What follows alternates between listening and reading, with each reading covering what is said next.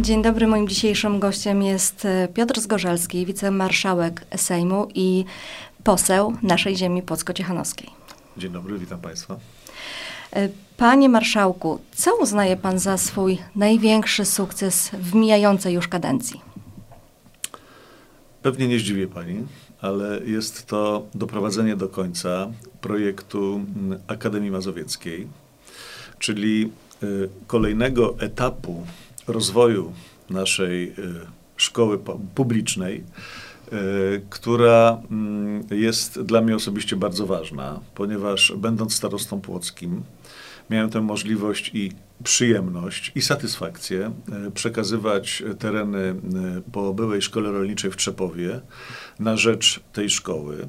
Szkoły, która w moim przekonaniu jest tym ośrodkiem, który daje szansę edukacyjną młodzieży spoza Płocka, tej młodzieży, której nigdy nie byłoby stać na to, aby studiować w Warszawie, w Łodzi, w Poznaniu, w Krakowie, ale mm, dlatego, że w Płocku jest taka szkoła, mogą ukończyć wyższe studia, nawet na poziomie licencjackim, po to, aby potem można było kontynuować y, studia magisterskie w każdej innej szkole.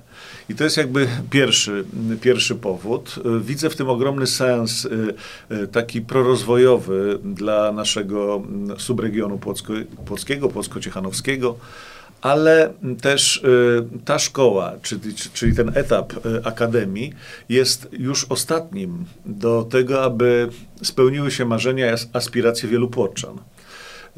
Tych, którzy marzyli o tym, aby w Płocku był nareszcie uniwersytet i to jest, y, i to, jest to, y, o czym y, wszyscy mm, do niedawna marzyliśmy, a teraz możemy już myśleć, że może stać się niedługo. Z mojej rozmowy z rektorem Maciejem Słodkim wynika, że może już nawet za 4 lata. No właśnie, wymieniła Pani nazwisko człowieka, który mm, jako rektor podjął się tego ambitnego dzieła, aby doprowadzić do końca ten projekt uniwersytetu. Uważam, że właśnie dlatego, że taki rektor trafił się naszej uczelni, nie przywieziony w teczce, nie e, przyjeżdżający do Płocka, czy to z Łodzi, czy to z Warszawy, a mieliśmy takich rektorów, którzy odhaczyli swoją obecność e, w Płocku i wracali do swoich pierwszych e, etatów macierzystych szkół. Tu pan profesor Słodki mm, jest stąd. E, potrafi, e, potrafi także e, rozbudzić ambicje wśród swoich współpracowników, ale także wśród polityków, bo wracam znów do tego projektu Akademii Mazowieckiej i muszę pani powiedzieć, pani redaktor, że mm, napisaliśmy wspólnie z panem rektorem projekt tej ustawy. Przedstawiłem go w Ministerstwie Edukacji. Zainteresowałem tym projektem Akademii Mazowieckiej panią marszałek Sejmu która do tego podeszła także bardzo życzliwie. I tutaj e, pod projektem podpisali się wszyscy posłowie naszego okręgu. Wszyscy, bez względu na e, konotacje polityczne. Mhm. E, to pokazuje, że są tematy, w tak podzielonej rzeczywistości społecznej, politycznej, które jednak mogą łączyć. I chciałem dzisiaj y, tym wszystkim posłom y, z Lewicy, z Polskiego Stronnictwa Ludowego, no sam jestem jeden, ale Platformy y, i Prawa i Sprawiedliwości za to podziękować.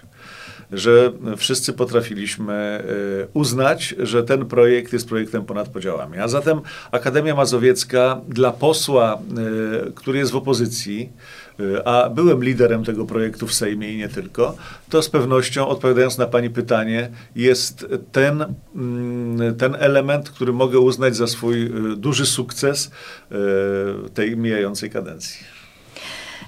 Mówiliśmy o rzeczach pozytywnych, to teraz troszkę Aha, mniej. Dla równowagi. Tak, dla równowagi.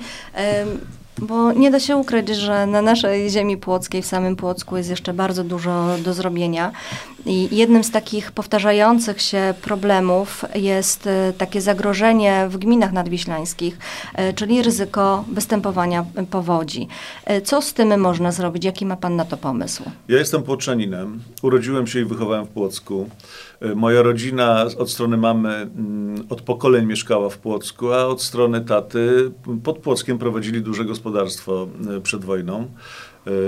I mm, dlatego też y, bardzo mocno y, przeżywam problemy mojego regionu, a powódź w mojej głowie ma takie dwa emocjonalne piki. Pierwszy to jest początek lat 80., kiedy chodziłem do technikum chemicznego i przełom lat 70. i 80., kiedy zagrożenie powodziowe było duże.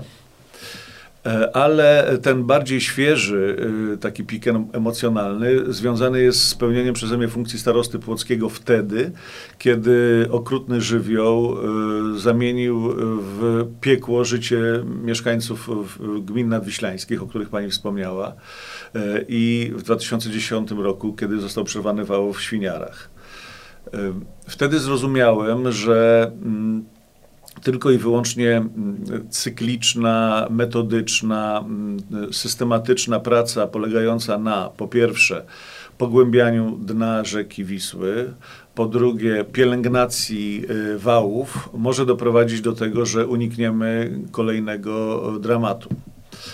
Powiem coś, co może także poruszy y, tych wszystkich, którzy dzisiaj decydują o tym y, i którym stawiam poważny zarzut zaniechania tych rzeczy, o których wspomniałem, czyli wodą polskim, który uznaje za niewydolny moloch, który nie spełnił swoich, y, nie spełnia swoich zadań, y, że y, jeżeli nadal będzie tak zaniedbywany proces pogłębiania i konserwacji wałów, i, to po prostu powódź jest kwestią czasu.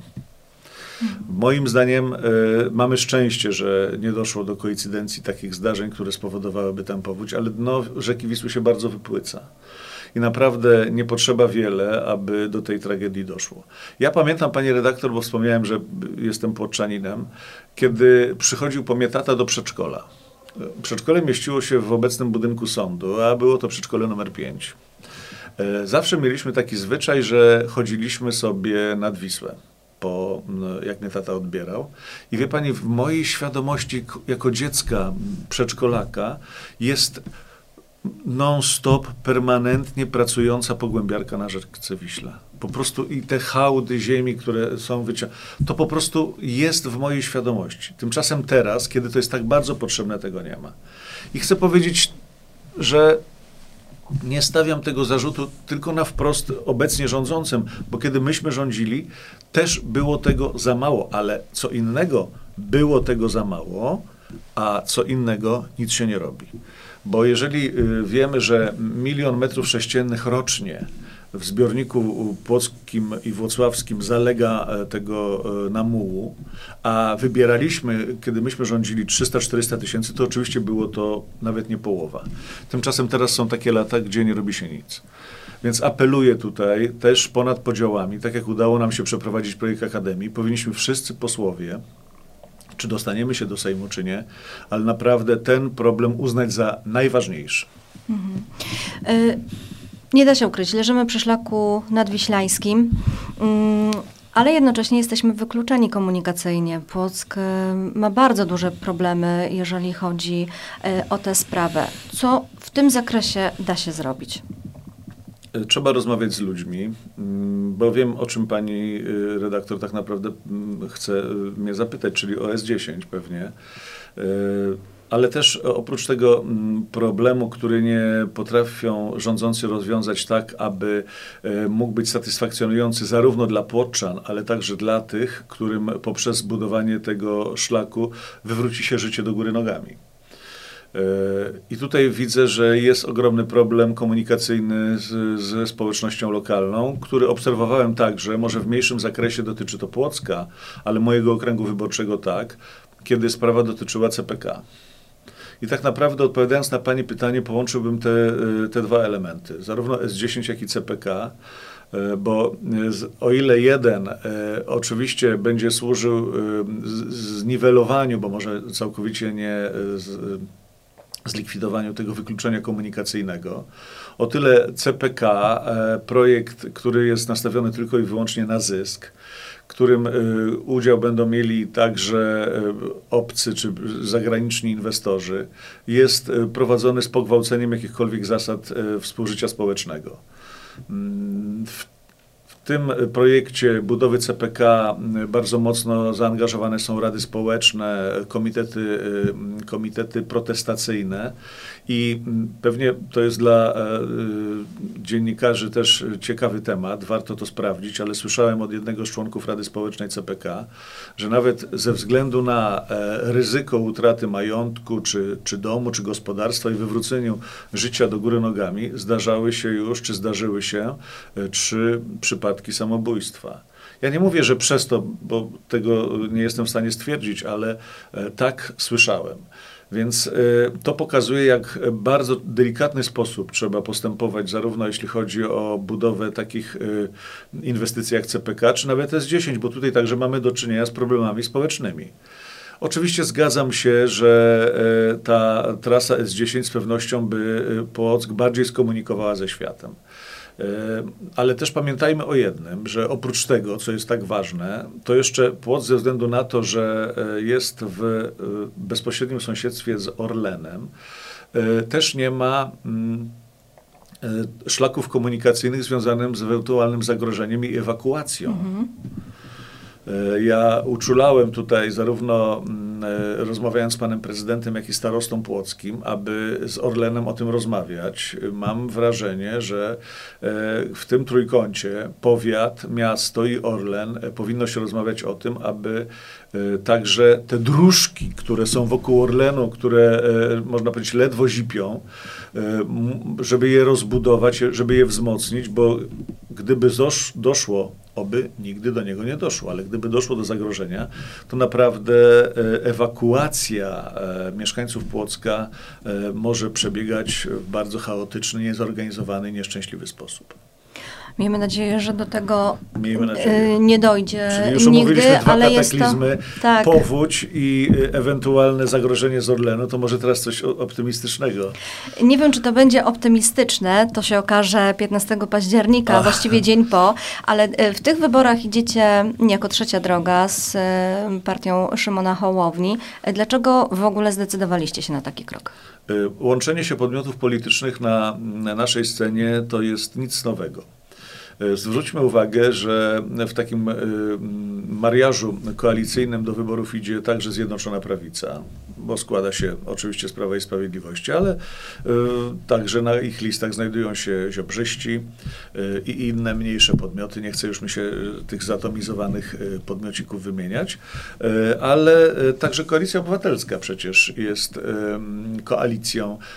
W jej skład wchodzą przedstawiciele Nowoczesnej, Zielonych, więc to, że my połączyliśmy się po tej stronie sceny opozycyjnej, to moim zdaniem odrobiliśmy zadanie wynikające z reguły metody Donta, bo ta reguła mówi, że im mniej podmiotów na scenie e, tej naszej, tym większa szansa na zwycięstwo. Więc to zadanie staraliśmy się wykonać, łącząc się z Szymonem Hołownią, e, jednocześnie stawiając sobie zadanie, że nasz projekt będzie dedykowany tym wyborcom, którzy z pewnością, jeżeli się rozczarują ofertą PiSu, nie przejdą do Platformy, dlatego że obydwie te partie wykopały taki rów e, i podział nienawiści pomiędzy sobą samymi, ale także wyznawcami swoich partii, że jest tylko, jest tylko szansa, aby projekt pośredni mógł być ofertą dla tych e, niezdecydowanych, ale także rozczarowanych. Czyli te dwie grupy i to jest około 4 milionów ludzi.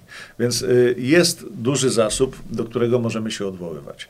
I to jest to druga, druga przyczyna, bo pierwsza, jak powiedziałem, chodziło o zoptymalizowanie wyniku partii demokratycznych. Ale mm, też mówię moim kolegom z Platformy, z Lewicy, że mm, źle źle diagnozują, e, źle diagnozują i źle dedykują program dla mieszkańców e, naszego kraju, bo żeby wygrać wybory, to trzeba wyjść z, ze strefy komfortu, z bańki, która dotyczy dużych miast. Wiemy, że takie miasta jak Warszawa, ja ze względu na to, że no, nie, nie tylko, że jestem posłem, ale że miałem obowiązki marszałka, wicemarszałka Sejmu, to większość czasu tej kadencji spędziłem, bo mieszkałem po prostu w Warszawie. Tak? Oczywiście każdy moment wykorzystywałem, żeby tu przyjechać do moich dzieci i ośmiorga wnuków. Ale e, nie ukrywam, że no po prostu moja praca to był Sejm i, i Warszawa.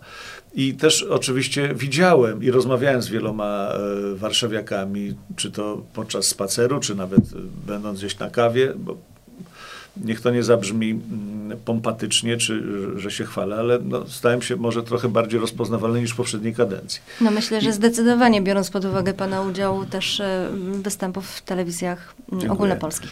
I, mm, I co starałem się swoim kolegom powiedzieć, że e, emocja antypisowska jest zupełnie inna poza rogatkami Warszawy że gdyby e, tak było, że wszyscy ludzie to antypis i zwolennicy ośmiu gwiazdek, no to, e, e, no to w Wołominie czy w powiatach wokół Warszawy nie rządziłby PiS. Trzeba to uwzględniać w swojej strategii. Trzeba przyjąć do wiadomości, że są ludzie, którzy mają inne poglądy. I my to w swojej strategii uwzględniliśmy. E, I uważamy, że taki program, który stworzyliśmy, E, zarówno dla środowiska wiejskiego, jak i miejskiego, może być tym programem, który przyciągnie naszych wyborców. Pracujemy nad tym, aby bardziej rozpoznawalna, szczególnie w tych badaniach, które są tak rozchwiane, bardziej rozpoznawalna była nasza marka, nasz brand Trzecia Droga. No bo jeżeli są e, badania opinii publicznej, tego samego dnia ukazują się dwa sondaże i w jednym mamy 11,5%, a w drugim 6%, to ja mam pytanie do sondażowni, co się takiego stało, żeby w ciągu kilku godzin było nam pół miliona wyborców? To oczywiście jest y, y, zarzut do metody, zarzut być może do, nie chcę mówić manipulacji, bo do sondaży także trzeba mieć odpowiedni stosunek, jeżeli one ukazują się codziennie. Y, pewnie trzeba bardziej patrzeć na trend długoterminowy niż przeżywać jakąś wpadkę czy popadać w euforię, że ma się tyle i tyle procent. Ale też i patrzeć na to, kto zleca to badanie. No właśnie. Ale ja tego nie będę kontynuował, pani redaktor. Ja tylko wspominam. Tak.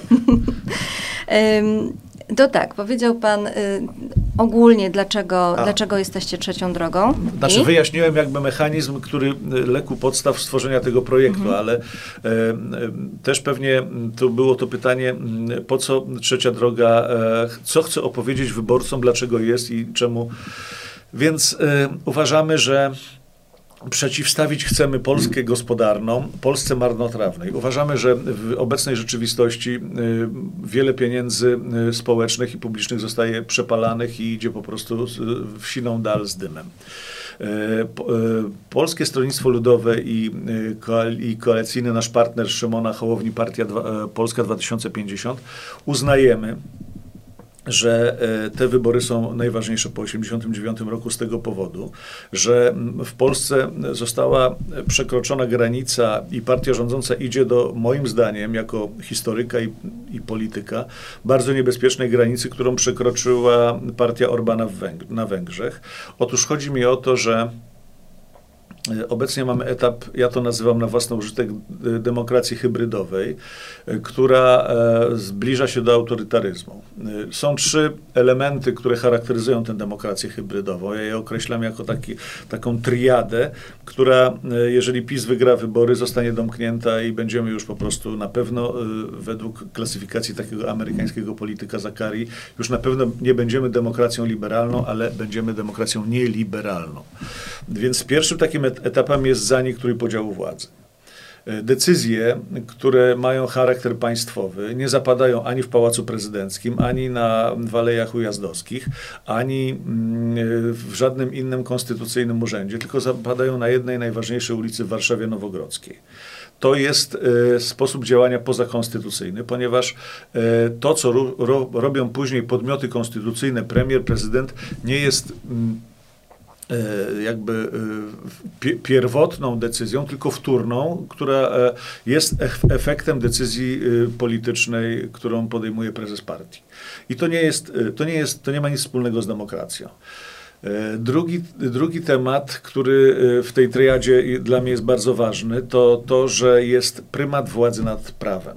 Natomiast w demokracjach utrwalonych europejskich jest zupełnie odwrotnie. Nawet w demokracji amerykańskiej, kiedy obserwowaliśmy, jak Donald Trump, co by o nim nie mówić, z pokorą jechał do aresztu, gdzie pozwolił sobie zrobić zdjęcie, gdzie pobrano od niego odciski palców, to był najlepszy przykład tego, jak silna w Stanach Zjednoczonych jest demokracja, że nawet były prezydent Wiemy, jak, e, jaka rogata dusza, jaki hardy człowiek, prawda? A mimo wszystko uznał się e, jako podporządkowany y, prymatowi prawa nad swoją osobistą sprawą, ambicją itd. Tak itd. Tak U nas mam wrażenie, że jest prymat polityki nad prawem.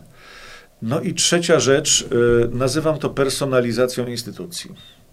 E, do, do momentu, kiedy my oddawaliśmy władzę, nikomu nie przyszło do głowy mówić, że Trybunał Konstytucyjny jest Rzeplińskiego. Znam osobiście pana profesora, ponieważ jest e, naszym, jak to się mówi, lokalnym e, ziomalem. Pochodzi z, ze wsi pomiędzy, leżącej pomiędzy Przasnyszem a Ciechanowem. Jeśli pani redaktor będzie chciała z nim kiedyś porozmawiać, to służę kontaktem. Ale, Chętnie, dziękuję. Ale o czym chciałem powiedzieć, że E, Trybunał Przyłębskiej, prokuratura Ziobry, Narodowy Bank Polski Glapińskiego, to jest taki element, e, e, że te osoby przeze mnie wymienione dostały jakby taką inwestyturę, taką, takie lenno oddano im te, e, te instytucje. Ale to też pokazuje zwyrodnienie demokracji, bo to nie powinna być, e, nie powinna być prokuratura Ziobry dana w lenno przez Kaczyńskiego, tylko powinno to się zupełnie inaczej odbywać. ale trzy... panie marszałku, przepraszam, że wejdę w słowo, ale kto nadał tę nazwę? Bo ja mam wrażenie, że to niekoniecznie sam PiS, tylko wręcz przeciwnie, opozycja. Ale mam też wrażenie, panie redaktor, że gdyby w tym nie było mm, sensu, to by się te nazwy nie przyjęły. No, sens jest dyskredytacji. No tak, a dlaczego Bo nie dyskredytacji? się Orlen Obajtka, tak, no, no, no też jest, y, też jest taka, takie nazewnictwo, y, tylko ono wcale nie tworzy zasług dla y, tych osób, które stoją nie, na czele, wręcz tylko wręcz przeciwny. Tak, to tak, ma charakter to taki pejoratywny. Tak, mhm. to, to, to, się zgadzam, oczywiście. To jest efekt tego, że Polska naprawdę jest bardzo spolaryzowana i podzielona i jest bardzo duża walka polityczna. I zgadzam się z panią, że oczywiście no, no, to opozycja nadała, e, nadała te, że tak powiem, mm, przydomki. Ja mam wrażenie, przepraszam, znowu wejdę słowo, ale ja mam wrażenie, że to jest taka współczesna broń dzisiaj. My bierzemy udział w wojnie polsko-polskiej i e, być może faktycznie trzecia droga jest tutaj pośrodku e, tej bitwy, ale myślę, że przede wszystkim e, w tych wyborach powinniśmy zająć się tym, żeby ta wojna się skończyła. A czy Uważa pani, że jeżeli jedna z tych dwóch partii wygra, obojętnie które, to ta wojna się zakończy? Ja nie wyrokuję. Y, to ja mieszkańcy, wyborcy, wyborcy zadecydują o tym, kto, y, która z partii wygra. Natomiast... A ja chcę powiedzieć coś innego jeszcze, pani mhm. doktor, że od tego, która partia zajmie trzecie miejsce, czy będzie to trzecia droga, czy konfederacja, Polska pójdzie albo w stronę demokratyczną, albo pójdzie w stronę domknięcia tego systemu, który tak trochę politologicznie omówiłem u Pani na antenie, a dotyczy y, zamknięcia e, e, etapu y, demokracji liberalnej i przejścia na e, stronę demokracji nieliberalnej orbanowskiej. To jest moja teza, którą stawiam i dlatego też zachęcam wszystkich Państwa do wzięcia udziału w wyborach. Czyli podsumowując, o czym są te wybory? O tym właśnie, czy Polska będzie krajem demokratycznym, czy autorytarnym. I to dlatego są to najważniejsze wybory po 1989 roku. Zdecydowanie do głosowania zachęcamy wszystkich, tak bo bez względu na to, za kim jesteśmy, warto brać udział w głosowaniu, bo to jest nasz obowiązek jako Polaków. Bardzo dziękuję, bo wiem, że ten czas jest dla Pana tak. też bardzo intensywny i trudny, więc e, fajnie, że znalazł Pan ja czas na e, przyjście do naszego studia. Dziękuję bardzo. Pozdrawiam wszystkich mieszkańców ziemi płockiej. Kandydat trzeciej drogi, pozycja numer jeden. Jestem stąd. Dziękuję bardzo za rozmowę. Moim gościem był wicemarszałek Sejmu Piotr Zgorzelski. Dziękuję bardzo.